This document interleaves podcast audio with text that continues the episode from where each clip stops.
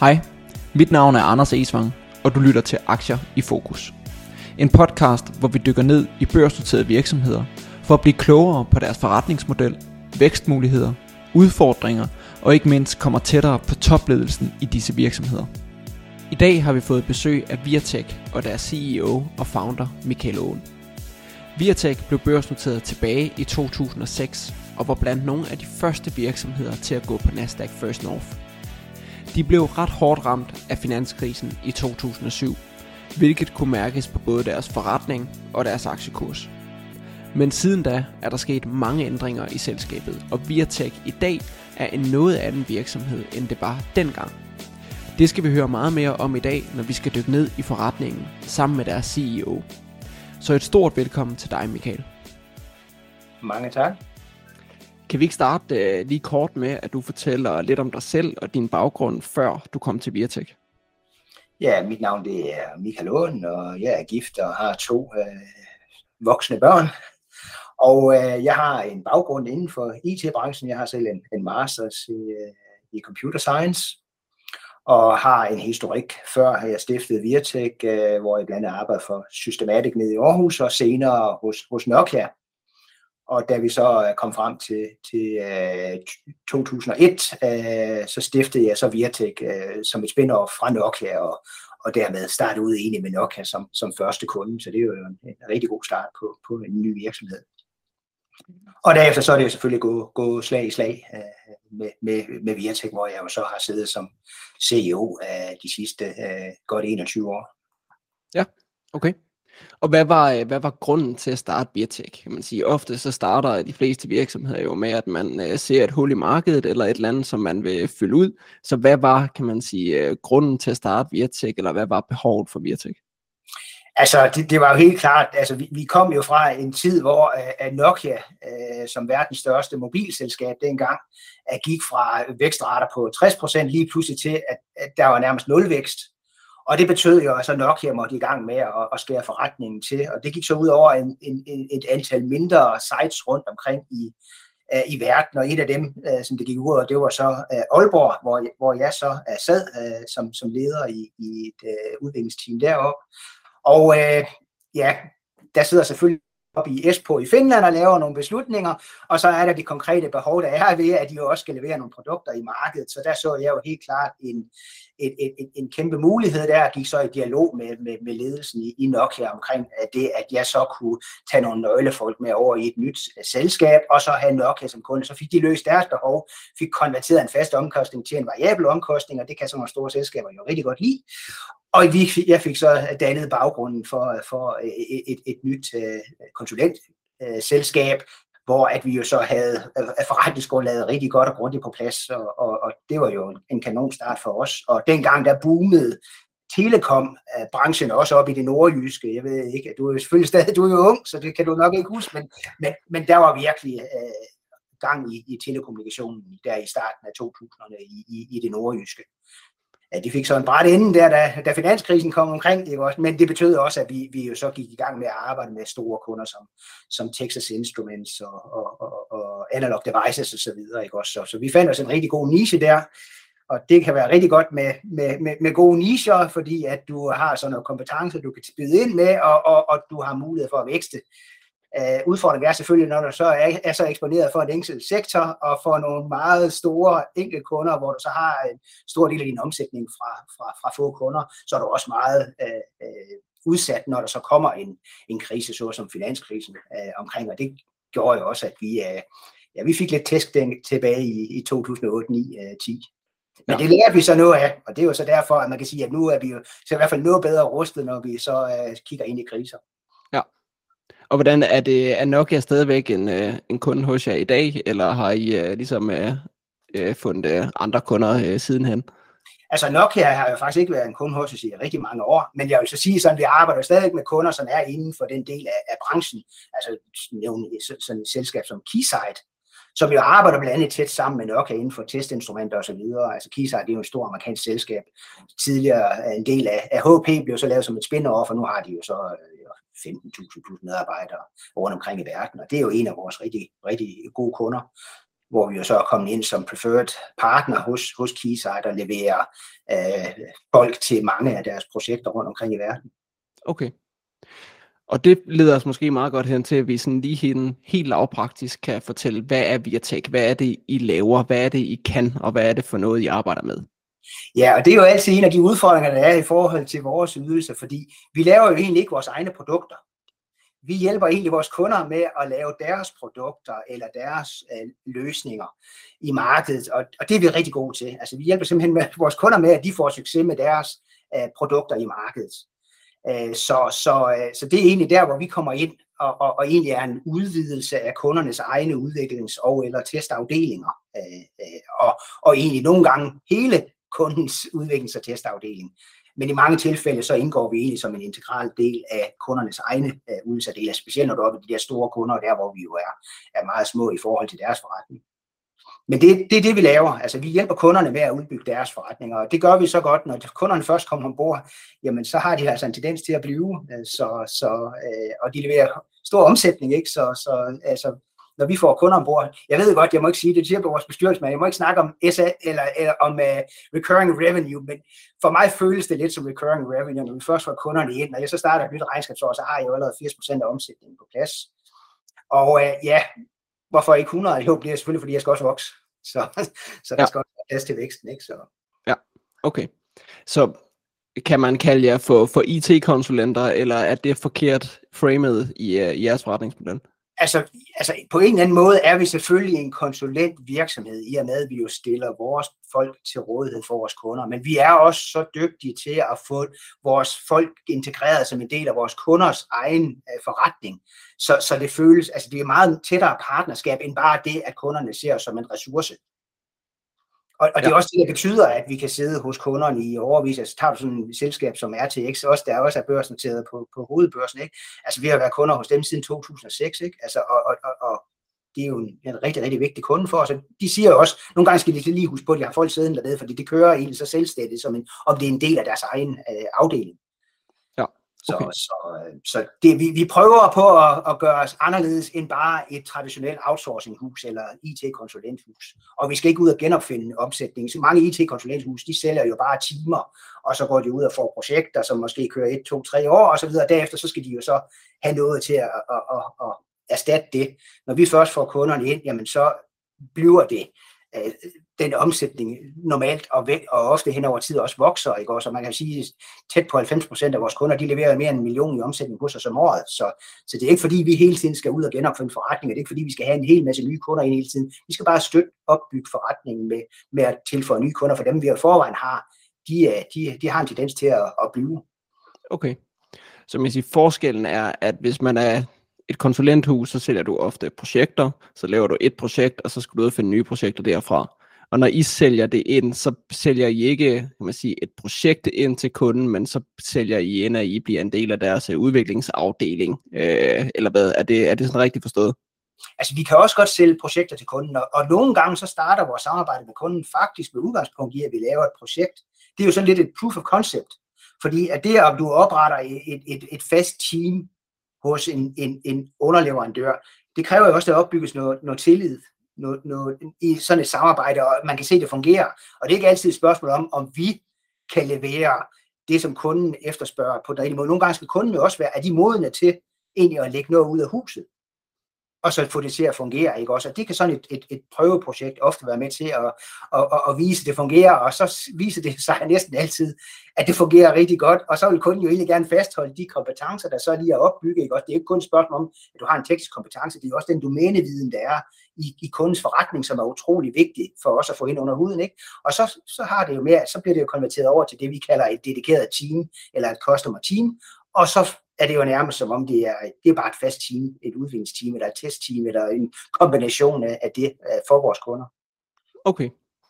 Og hvad så inden for, inden for det space, I befinder I, hvad er så er sådan, uh, jeres spidskompetencer? Har I nogle specifikke ting, som I uh, er bedre til end andre? Har I nogle områder, hvor I har mere know-how end andet? Eller hvad er det sådan, hvad er jeres uh, spidskompetencer i Virtek? Altså, man siger, vi har jo lige valgt, og det, det er så også noget, vi vil præsentere dybere i vores øh, 2022 år også, vi har lige valgt i 20, øh, 22 og sætte gang i et større øh, forretningstransformationsprojekt, blandt andet digitalisering af forretning, men også en reorganisering af virksomheden, øh, hvor vi egentlig går fra at have en lidt mere horisontal måde at se på forretningen til nu, at vi bygger den ind i nogle øh, vertikaler, hvor at domæneviden er en vigtig brik der, altså det, og et af de vertikaler blandt andet energy, øh, energisektoren, ikke? Altså, og der fik vi jo, vi fik jo en, en, en, en stor øh, ny kunde i, i øh, første kvartal sidste år, og det gjorde blandt andet også, at vi også kom ud med en oplysning på den gang. Ikke? Også, og det var jo blandt andet baseret på, at vi i forvejen har arbejdet for, for, for blandt andet Energi Danmark, eller undskyld, Energinet, og, og, og det gjorde jo, at vi, at vi jo allerede bevist, at vi havde kompetencer inden for et område, og det var så derfor, de valgte jo også blandt rigtig mange øh, potentielle samarbejdspartnere. Så det er vi meget fokuseret på nu, det er at bygge os op med nogle kompetencecenter, der er bygget omkring domæneviden inden for kundernes forretning. Okay, og er øh, kan man sige, energisektoren, det er så en af dem, og hvad, hvad har I ellers sådan af, af områder, hvor I tænker, I har mere domæneviden end, end andet? Jamen altså, man kan jo sige sådan noget som wireless communication and automation er et, et andet område. Nu nævnte jeg blandt andet øh, et, et selskab som, som RTX, jo, øh, øh, som er meget inden for den trådløse teknologi, men specielt inden for lyd, øh, lyd øh, hvad det hedder, digital øh, lyd og inden for højkvalitets lyd, øh, lydsystemer. Så vi har sådan et selskab som, som Spectralink, en, en amerikansk øh, selskab, Øh, og øh, de, øh, dem har vi haft kun i mange år, der sidder vi blandt andet og så laver øh, øh, kvalitetssikring af deres produkter for, for alle deres afdelinger rundt omkring i verden.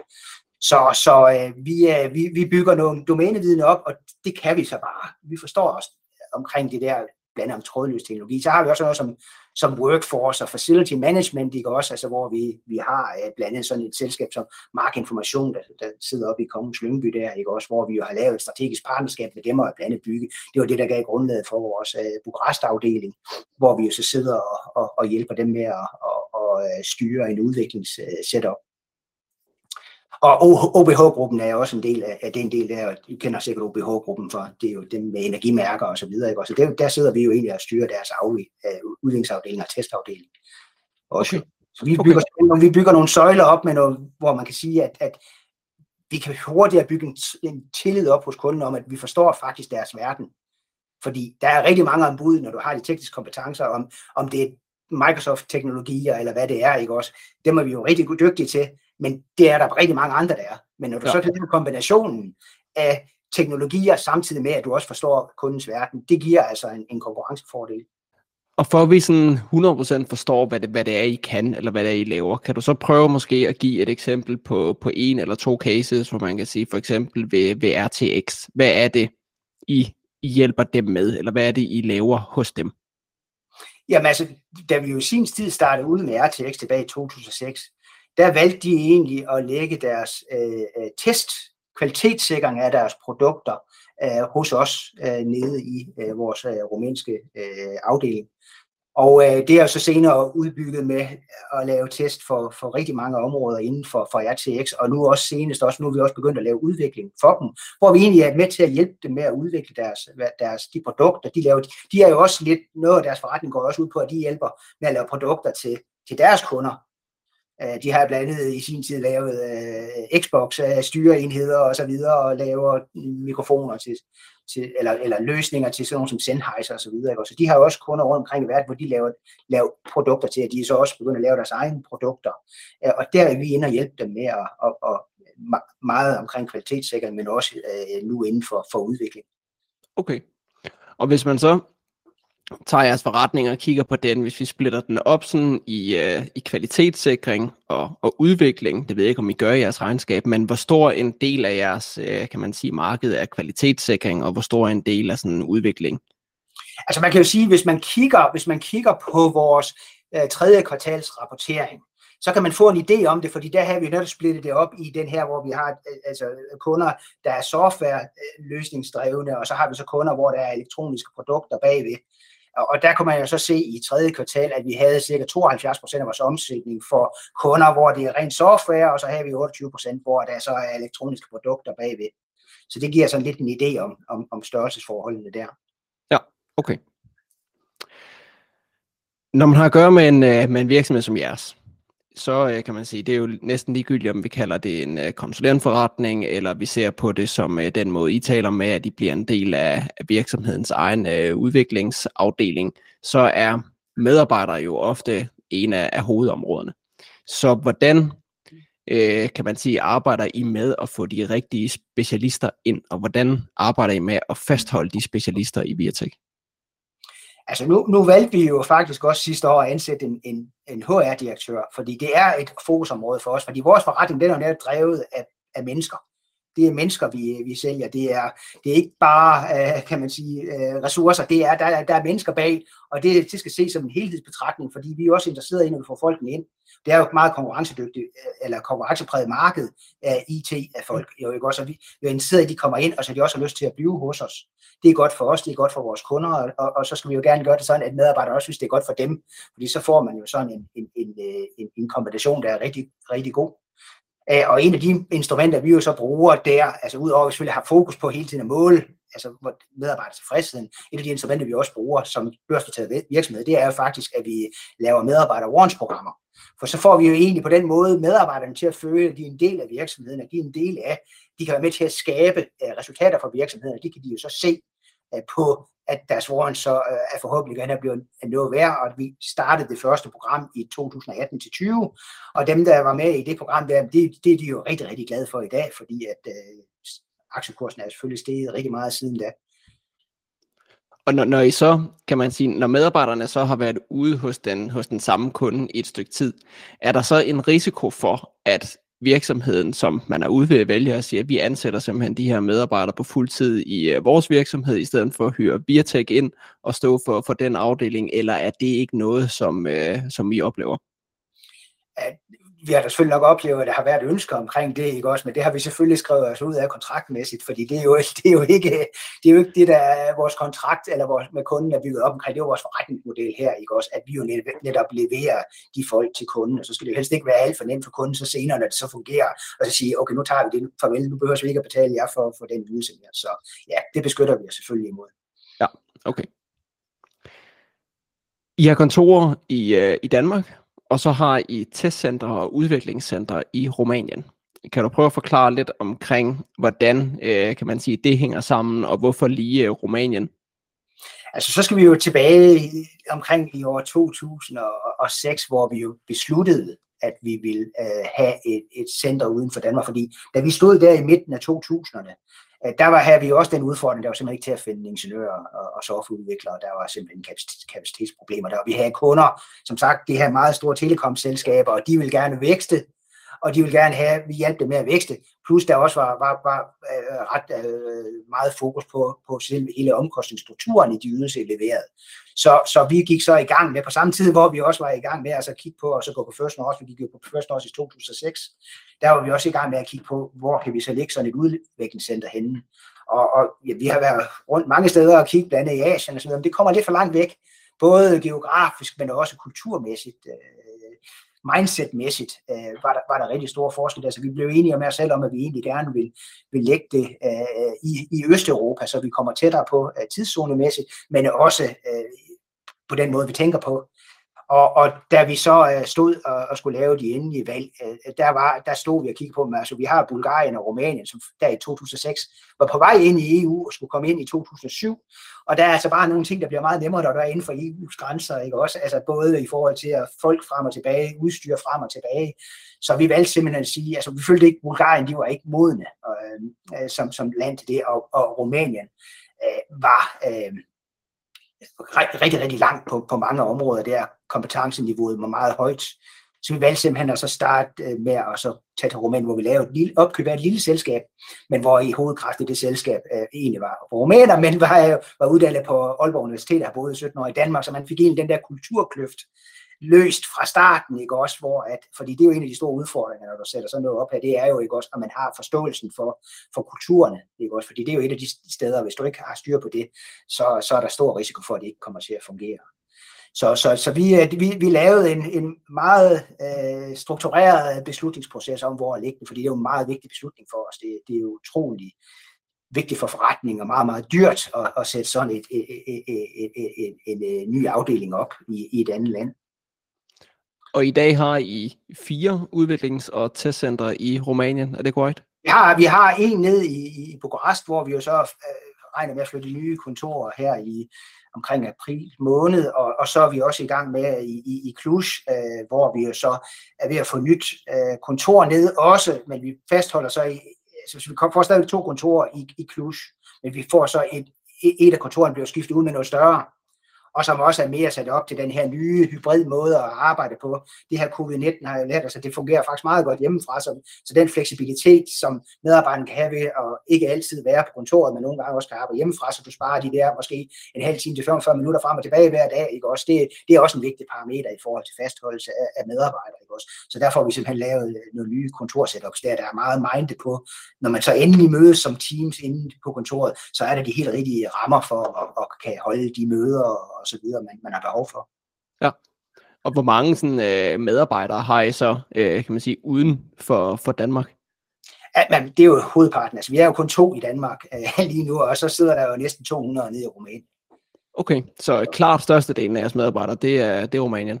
Det er helt sikkert, ja. Ja, okay. Du nævnte jo selv, at øh, i jo ikke en, en ny virksomhed på, øh, på First North. I blev børsnoteret der i øh, 2006, og hvis man går ind og kigger på, på aktiekursen dengang, så tog den jo et ordentligt dyk efter jeres, øh, jeres børsnotering. Og du nævnte også selv, I blev ramt af finanskrisen. Kan du prøve at forklare lidt omkring, hvad var det, der skete dengang, og hvad har ændret sig fra dengang til i dag? Altså, det vi jo gjorde, da vi gik på First North, det var, at vi gik ud og fik en pose penge til at, at skalere forretningen, blandt andet ved at oprette nye, nye, nyt, hvad det hedder, af, af udviklingscenter uden for, for landets grænser, men også ved at også skalere forretningen uden for et, et telekomsektoren, for vi var meget afhængige af en enkelt sektor, og vi ville gerne have flere ben at stå på.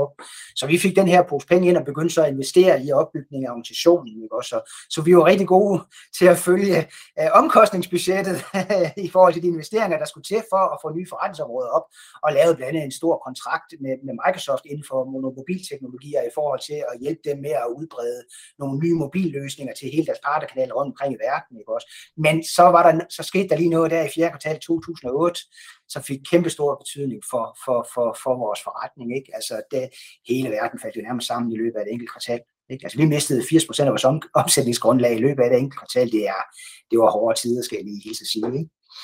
Så, så øh, det, øh, ja, de penge, de fik jo ben at gå på dengang, og det er klart, altså, når du leverer så store huller i jorden, så har det selvfølgelig en negativ e- e- effekt på, på hvad det hedder, øh, vores aktiekurs. Men man kan så sige, at der lavede vi så også en ny strategi, og det, der kunne vi så godt se, at når du nu lige pludselig stod i en situation, vi havde jo også masser af konsulenter i Danmark dengang, når du står i en situation, hvor der der var simpelthen øh, blodbad op i nordjyske i forhold til virksomheder, der lukkede ned, og mange af vores kunder lukkede afdelinger ned. Ikke også? Øh, og der kan vi se, hvordan kan vi sælge konsulenter i, i det nordjyske, når der lige pludselig render 300 freelancere, potentielle freelancere rundt i markedet deroppe. Ikke? Og så valgte vi simpelthen at sige, at vi bliver nødt til at fokusere på vores rumænske udviklingsafdeling, vi havde i mellemtiden havde fået øh, bygget op, fordi det kunne vi se noget, noget, noget øh, positivt i. Når du står i en krise, så ligger, ligger, leder kunderne selvfølgelig efter steder, hvor de kan lave nogle besparelser og have noget fleksibilitet.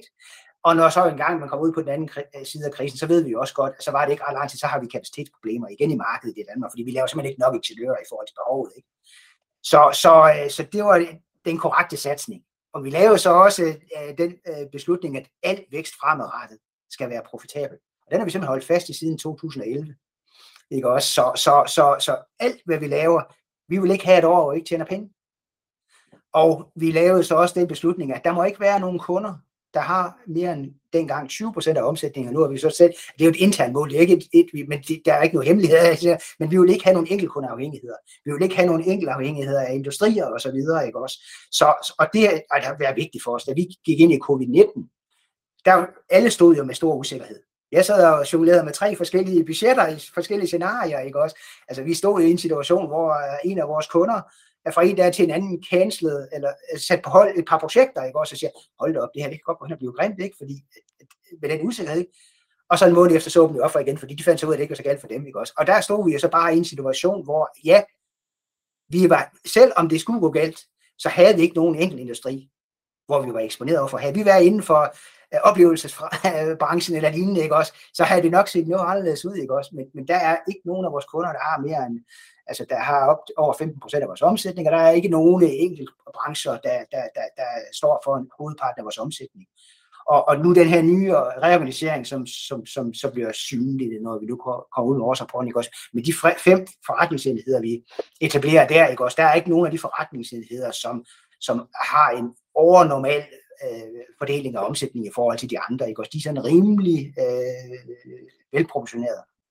Okay, og det, det er noget, I sådan strategisk går til at sige, hvis øh, kan man sige, den ene del vokser mere end den anden, så skal I sørge for at, at få balanceret det ud, eller hvordan tænker I på det? Altså, de, de, hvis man tager sådan noget som enkeltkunder, det er jo, vi siger jo helst ikke nej til forretningen, vel? så det er klart, at hvis en enkelt kunde vokser, således de kommer op over de, de 5%, så betyder det, at de siger, okay, det, kære kunde, nu kan vi ikke ansætte, nu vil vi ikke vokse mere med dig, ikke? men vi skal selvfølgelig bare så sørge for, at vi vokser andre steder øh, endnu mere, ikke? Også, således at vi får balance i den, ikke? Også, og det, øh, det synes jeg, vi har været, været rigtig øh, dygtige til. Ja. Og det har jo også, kan man sige, ændret sig på den måde, at I også er kommet til et punkt, hvor I begynder at lave forskellige opkøb.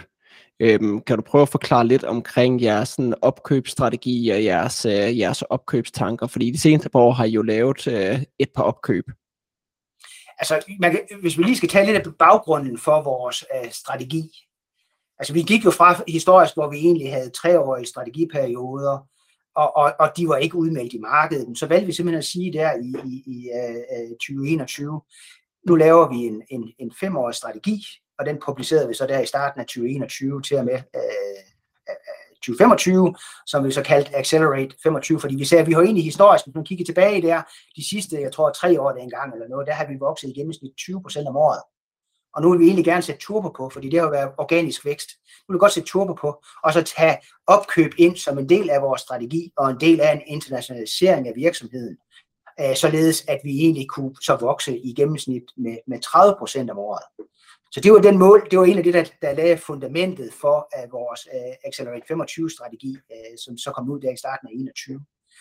At vi så lavede det første, og, og opkøb som sagt var en del af det, men vi havde så en række parametre, der, der, der så var med til at vurdere kandidaterne, som vi, så ville indføre. Vi ville ikke bare lave opkøb for opkøb skyld, det skulle være en del, der passe, skulle passe ind i forretningen øh, på, på nogle forskellige parametre, uh, og, og, og risiko uh, skulle selvfølgelig også være, være på plads i forhold til det. Æh, og, og da vi så lavede det første opkøb der i juni måned, og så allerede i 2021 præsenterede en, en omsætningsvækst på 64 procent, så kunne vi godt se, da vi kom ind i, i, i 2022, at ja, vi bliver nok nødt til at lave en revidering af vores uh, 2025 uh, mål, fordi at det var ikke, øh, altså vi lå 30 procent, og du har allerede lavet 65 procent det første år, og du kunne også allerede se med de forventninger, du har meldt ud i markedet i 2022, at, at ja, så, så er det jo ikke troværdigt mere. Jeg begyndte jo også at få spørgsmål, når jeg ved investorpræsentationer. Nå, hvornår kommer I med en opjustering af strategien? Ikke? Så sagde okay, lad os, lad os kigge på det. Ikke? Også, og der lavede vi så en, opjustering af strategien, hvor vi siger, vi kan sige, okay, vores omsætningsmål for 2025, det hæver vi så fra 100 millioner op til, til 130 millioner, altså en 30 procents øh, stigning der. Hvor, og det passer så med, at fra 2022 og fremad, så vil vi fortsætte med at vækste 30 procent, selvom vi har taget 64 procent det første år af strategien. Så derfor endte vi på de, på de 130. Øh, og så valgte vi så også at så hæve vores øh, mål for, for, for, for bundlinje, øh, og, og valgte egentlig så at konvertere, vi havde før et EBITDA øh, minimumsmål for år til år på, på mindst 6% i EBITDA-margen år for år. Øh, og, og så begyndte jeg så at få spørgsmål omkring det her. Betyder det, at I kun vil levere 6%? Nej, det betyder, at vi vil aldrig nogensinde have et år i den her strategiperiode, hvor vi ikke også tjener penge. Så det var egentlig den bag, bagvedliggende tanke. Ja, selv i år, hvor vi måske investerer kraftigt, så vil vi stadigvæk tjene penge. Øh, men så valgte vi simpelthen at konvertere det også til et egentligt EBITDA-mål på, på 18 millioner i, i 2025, fordi så, øh, så, så fik vi egentlig løst det med at sige, okay, ja, hvad der sker indimellem, okay, det, ja, nu kan du jo se på den udmelding, vi kom med i markedet, hvor vi lover så uh, et, et interval, uh, som, som måske er lidt lavere i, i, i år, i hvert fald fra den underkanten af det, Øh, men igen, altså, vi fastholder jo stadig vores 2025 øh, mål. Ja. Så det var en lang vej rundt om, rundt om de spørgsmål.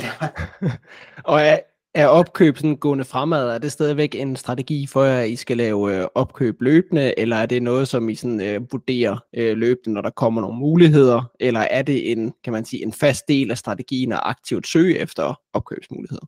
Ja, det er det. Altså, man kan jo sige, at vi lover jo i vores strategi, at vi vil vokse tocifret på organisk niveau. Og det er også det, vi lover næste, næste år, og, og, og der lover vi jo fra 11 til, til 19 procent øh, vækst, og der kan man sige, det er jo godt nok meget mindre, end, end, end, end, end I voksede de sidste to år. Ja, det skal man lige huske, men, men vi har så også lavet et opkøb. Ikke? Altså, det er klart, de år, hvor du laver opkøb, det år, hvor du starter med integrering af de opkøb året efter, der vil der jo være overnormal øh, vækst jo, i vores. Vi tænker jo mere gennemsnits vækst hen over en periode. Og der kan være år, hvor det så er mindre, og så de år, hvor du så laver et opkøb og begynder at integrere det ind, jamen så, så vil det selvfølgelig uh, blive højere. Ikke? Og, og kigger man tilbage i for eksempel i 2019, der har vi 14% vækst, og i 2020 har vi 19% vækst. Ikke? Så, så det er jo ikke unormalt, at vi ligger nede der. Vi, har jo stadig, vi holder stadig en organisk vækst på, på, på, på over uh, 10%. Uh, det er i hvert fald det, vi lover, ikke? Uh, og, og, og det er jo henhold til strategien. Ja. Og opkøb, det er jo ikke nogen hemmelighed, at det er, kan man sige, ofte er en øh, svær proces, det kan være en dyr proces, og det er, kan man sige, historisk er der heller ikke voldsomt mange øh, virksomheder, som har kæmpe stor succes med at lave en masse opkøb. Så kan man sige, hvorfor giver det mening for jer at lave opkøb? Er der nogle stordriftsfordele, I får ud af at være større, eller hvad er det, I ser efter, når I laver opkøb, for at det giver mening? Altså man kan jo sige, der er jo netop store driftsfordele i vores forretning. Fordi når vi skal lære forretningen, og det har vi jo så også vist altså, i forhold til antallet af folk, der er fakturerbare i forhold til ikke fakturerbare, der er vi jo gået fra uh, en, en, uh, en uh, det vi kalder billable procent uh, på, på 82 i slutningen af 2020, tror jeg, op til 88 procent i slutningen af, af, af 2021, eller slutningen af 19 til 2021, tror jeg det var. Ikke? Og, så, og der har vi jo vokset kraftigt på antal folk. For vores overhead i virksomheden, antal folk, der skal være med til at administrere og supportere virksomheden, det stiger ikke lige så hurtigt som øh, det antal af medarbejdere, der kan være med til at bidrage med omsætningen i virksomheden. Så vi har en, en, en, en rigtig skalerbar forretning, og det, den, det arbejde, vi gik i gang med i næste år, det var jo også at så sige, nu skal vi simpelthen ind og reorganisere organisationen og digitalisere det, således at vi kan fortsætte med en høj vækst, samtidig med, at organisationen også skal hænge sammen, og så, og så tage en masse nye folk og nye kunder ind øh, over tid. Så, så, så og der, der kommer jo så nogle steps, ikke? og der, der kan man så godt sige, at det kan så godt være, at den så lige procenten lige kan falde lidt i en år, men så skal den jo helst gå opad igen. Det er jo net, næsten ligesom, når du nu får nye lokaler, ikke? det er jo også en trappetrin, ikke også? Du har lige nogle investeringer i nogle omkostninger, indtil du så får fyldt dem op igen, ikke også? og så får det fulde udbytte. Ikke? Ja. Og ved de opkøb, I laver, vil det altid være i, øh, i Rumænien, eller er der andre lande, I kigger efter, som, øh, som I skal ind i, og som I skal have afdelinger i ellers? Altså der kan vi jo sige med sikkerhed, at, at, at inden udgangen af 2025, hvis vi skal overholde vores strategi, så har vi jo e, e, e, en afdeling uden for Rumænien. Ikke? Det er jo det, vi lover, at, at vi skal have et leverancecenter uden for Rumænien øh, i 2025. Så, og, og der kan man jo så sige, jamen altså, der kan jo være flere måder at få det på. Du kan jo enten lave det, der hedder Greenfield, det hvor du selv går ud og så sætter det op, eller så kan det jo være noget, du tilkøber dig i forbindelse med, med et opkøb, ikke også? Øh, og der har vi jo ikke, altså der har vi ikke meldt noget ud om, hvordan der det nu kommer til at foregå, ikke også? Men, men altså, det er jo klart, at altså, det kunne være oplagt, ikke også, at det kunne ske i forbindelse med, med, med et opkøb af, af et andet selskab, øh, hvis de nu også for eksempel har leverancecenter ude for Rumænien. Og det er jo igen et, et spørgsmål om, om uh, risikostyring, så du ikke er fuldstændig afhængig af et enkelt land for, for alt sourcing. Og hvis vi så begynder at, øh, at dykke sådan lidt øh, regnskabsmæssigt ned i virksomheden og prøver at kigge lidt nærmere på det. Hvor stor er virksomheden så i dag, hvis vi sådan ser på, på nøgletal, antal medarbejdere, antal kunder, omsætning eller andre sådan af de vigtigste nøgletal? Hvor, hvor stor er Biotech i dag? Jamen altså man kan jo sige, at, at omsætningsmæssigt, øh, der meldte vi jo så ud i går, at vi forventer at have øh, 65,7 millioner kroner i omsætning i 2022. Og vi er lige i underkanten af 200 medarbejdere, så det giver sådan lidt en, en, en fornemmelse for, for størrelsen af virksomheden. Øh, og hvad var, hvad var mere, du, du ville vide? Det, om der er, kan man sige, antal kunder, det ved jeg ikke, om I viser noget om. Altså, vi, har, eller... vi, har, vi, ikke, vi, har, vi, vi har jo ikke publiceret antallet af kunder, Øh, men jeg kan sige, at det er over 20. ja. men, men, men igen, altså, hver kunde leverer, altså, altså næsten 90 procent af kunderne leverer over en million kroner om året, så kan man så godt regne ud, vi har ikke brug for 100 kunder. Fordi så kan vi, altså, det, det, altså for at levere den omsætning, vi har i dag, ikke? Også, vi har jo også kunder, som leverer øh, under 15 procent af vores omsætning, men selvfølgelig leverer ganske mange millioner kroner i omsætning hver år. Ikke? Så, så ja, øh, et sted mellem 20 og 30 kroner, så langt vil jeg nok gå. Der er jo ikke noget hemmeligt som, som sådan i det, ikke også? men det er også lidt, en, altså det er også lidt, lidt af det, vi sådan holder lidt ind til, til kroppen lige i øjeblikket. Det kan sagtens være, at vi på sigt begynder også at melde det ud som en del af vores, vores rapportering i markedet, hvor mange, hvor mange kunder vi har. Men jeg vil sige, en ting er, er kunder, fordi tager du sådan en kunde som, som Keysight, kæmpe stor virksomhed. Ikke? Altså i princippet kan det også ses som tre-fire forskellige kunder, fordi vi sidder og arbejder, så laver vi cybersecurity for, for Keysight i USA, og så laver vi noget inden for automotive nede i Tyskland, og så noget i Dan. Altså, det, det er nærmest som om, det er forskellige kunder. Vi er bare ja. rigtig gode til at dykke ind i, i den organisation, og så få fundet interne kunder hos, hos, hos den virksomhed. Ikke også? Og, det, og det er jo i sig selv en kæmpe opgave, fordi de er så store, som de er. Ikke? Og hvad, hvad ligger jeres marginer så typisk på, når I arbejder, kan man sige, I kalder det jo ikke projekter, men, men på et kundeforhold. Har I sådan nogle øh, målsætningsmarginer, I går efter at sige, at vi skal så minimum tjene øh, 10 eller 15 procent på, øh, på et kundeforhold, eller, øh, eller hvordan ser I på det?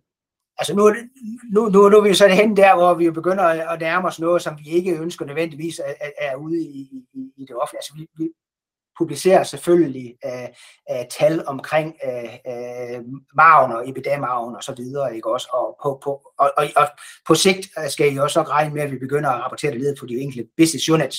På enkeltkunder vil vi ikke rigtig så gerne snakke om det, ikke også? Fordi der er lidt, der, der er lidt noget hemmelighed omkring det, ikke også? Men ja. vi har selvfølgelig nogle mål. Vi, vi ved jo lige præcis, hvad vores contribution margin, som det hedder, ikke også, den er for de enkelte kunder og for de enkelte projekter hos kunderne, ikke også, fordi det er selvfølgelig vigtige parametre vi skal jo optimere brugen af de folk, vi har i forhold til kunderne, ikke også? Og det giver ikke meget mening at så, øh, også levere ydelse til kunderne, hvis vi ikke også tjener penge på det, jo.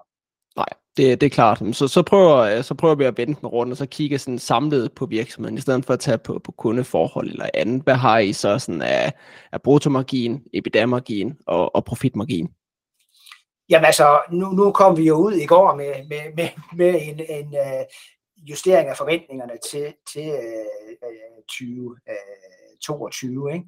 Og, og, der kan man jo så se ikke også, at, at, at vi jo så forventer cirka for 7, eller hvis vi kigger på EBITDA-margen, så det venter vi mellem 7,1 og 7,5 øh, millioner kroner ud af en omsætning på, på cirka 65,7 millioner. Ikke? Så, så det viser, at det ligger på den, øh, på den gode side af 10 procent på EBITDA-niveau.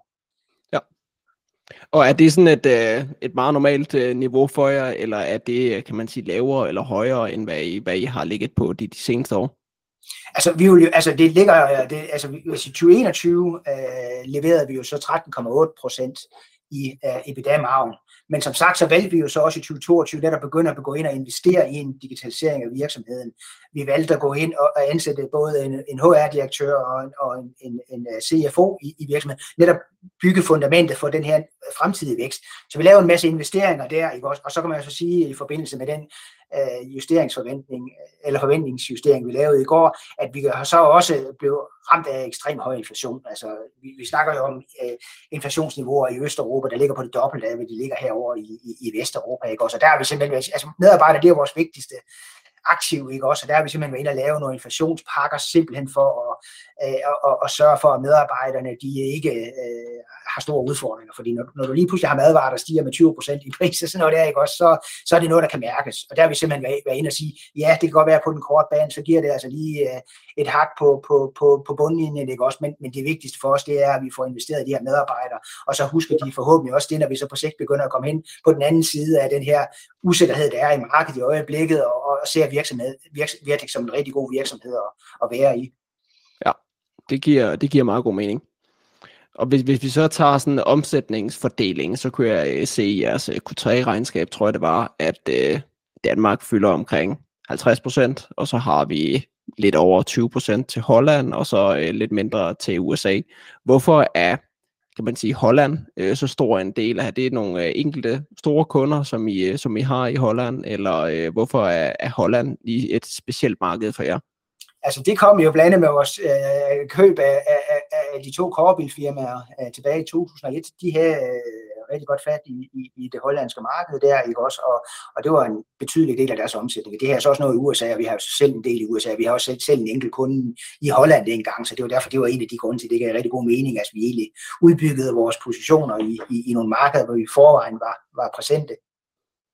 Og, og man kan sige, at vi har jo den her plan i vores strategi om, at vi ønsker at internationalisere virksomheden mere. Altså går to år tilbage, der tror jeg, at Danmark stod for, for cirka 70 procent af vores omsætning, så nu er den så ned på 50 procent, og jeg forventer jo også, at andelen af omsætningen i Danmark, den vil falde hen over tid.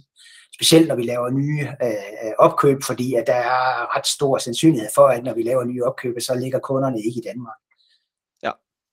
Og når I så går ud og skal hente, øh, hente nye kunder fremadrettet i jeres strategi, I vil gerne øh, udvide til andre lande, når, når I kigger på det, går I så efter for eksempel at sige, at vi vil gerne ind i Frankrig?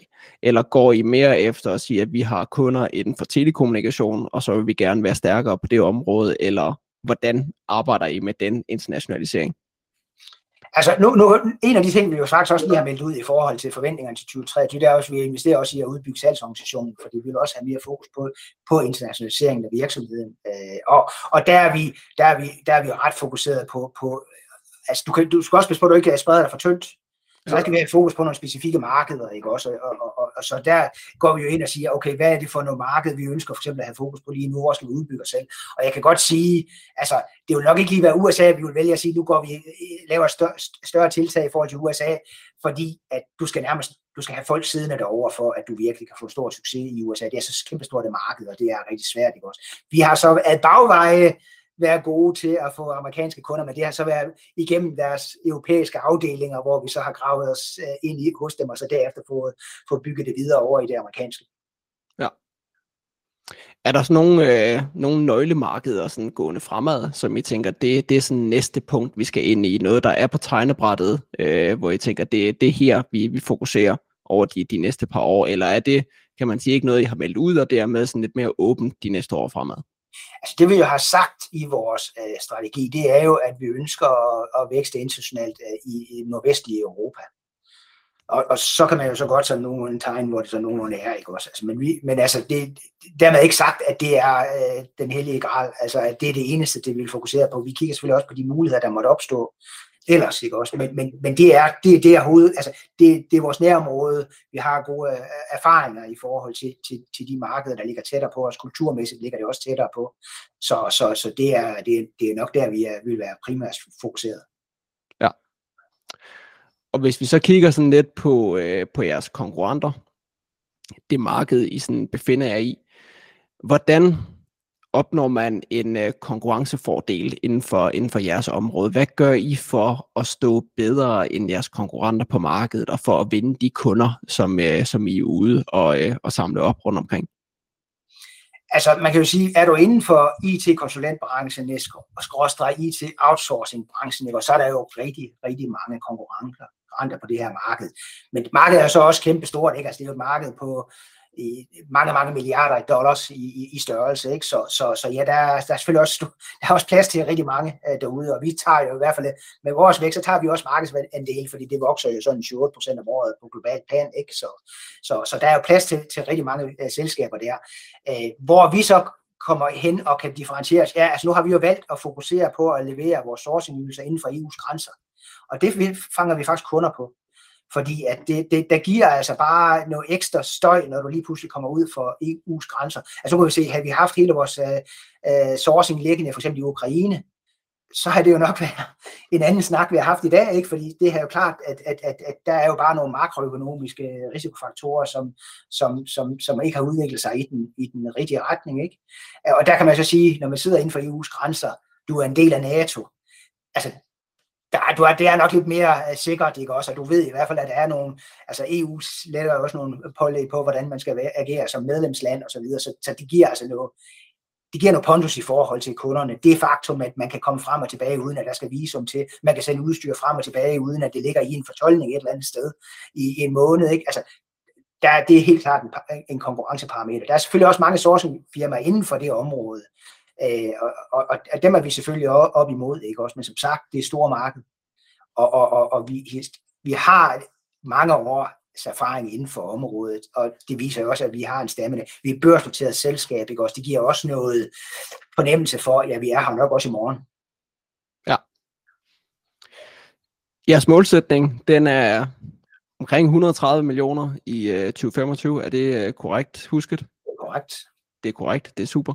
Øhm, hvis ikke I når det, hvad er så gået galt i den periode, kan man sige? Hvad, hvad er de største risici for jer, når I kigger sådan øh, fremad mod jeres 2025-plan? Er der nogle områder, hvor øh, kan man sige, der er højere risici end andet, eller som kan have større indflydelse på den her vækst? Altså jeg vil jo sige, at, at øh, som sagt, så er opkøb jo en vigtig del af vores vækststrategi. Og, og, og skal man op og vokse med, med, med 30 procent om året, ikke også? Øh, og, og, det, og det er svært rent organisk. Ja. En virksomhed i vores størrelse her.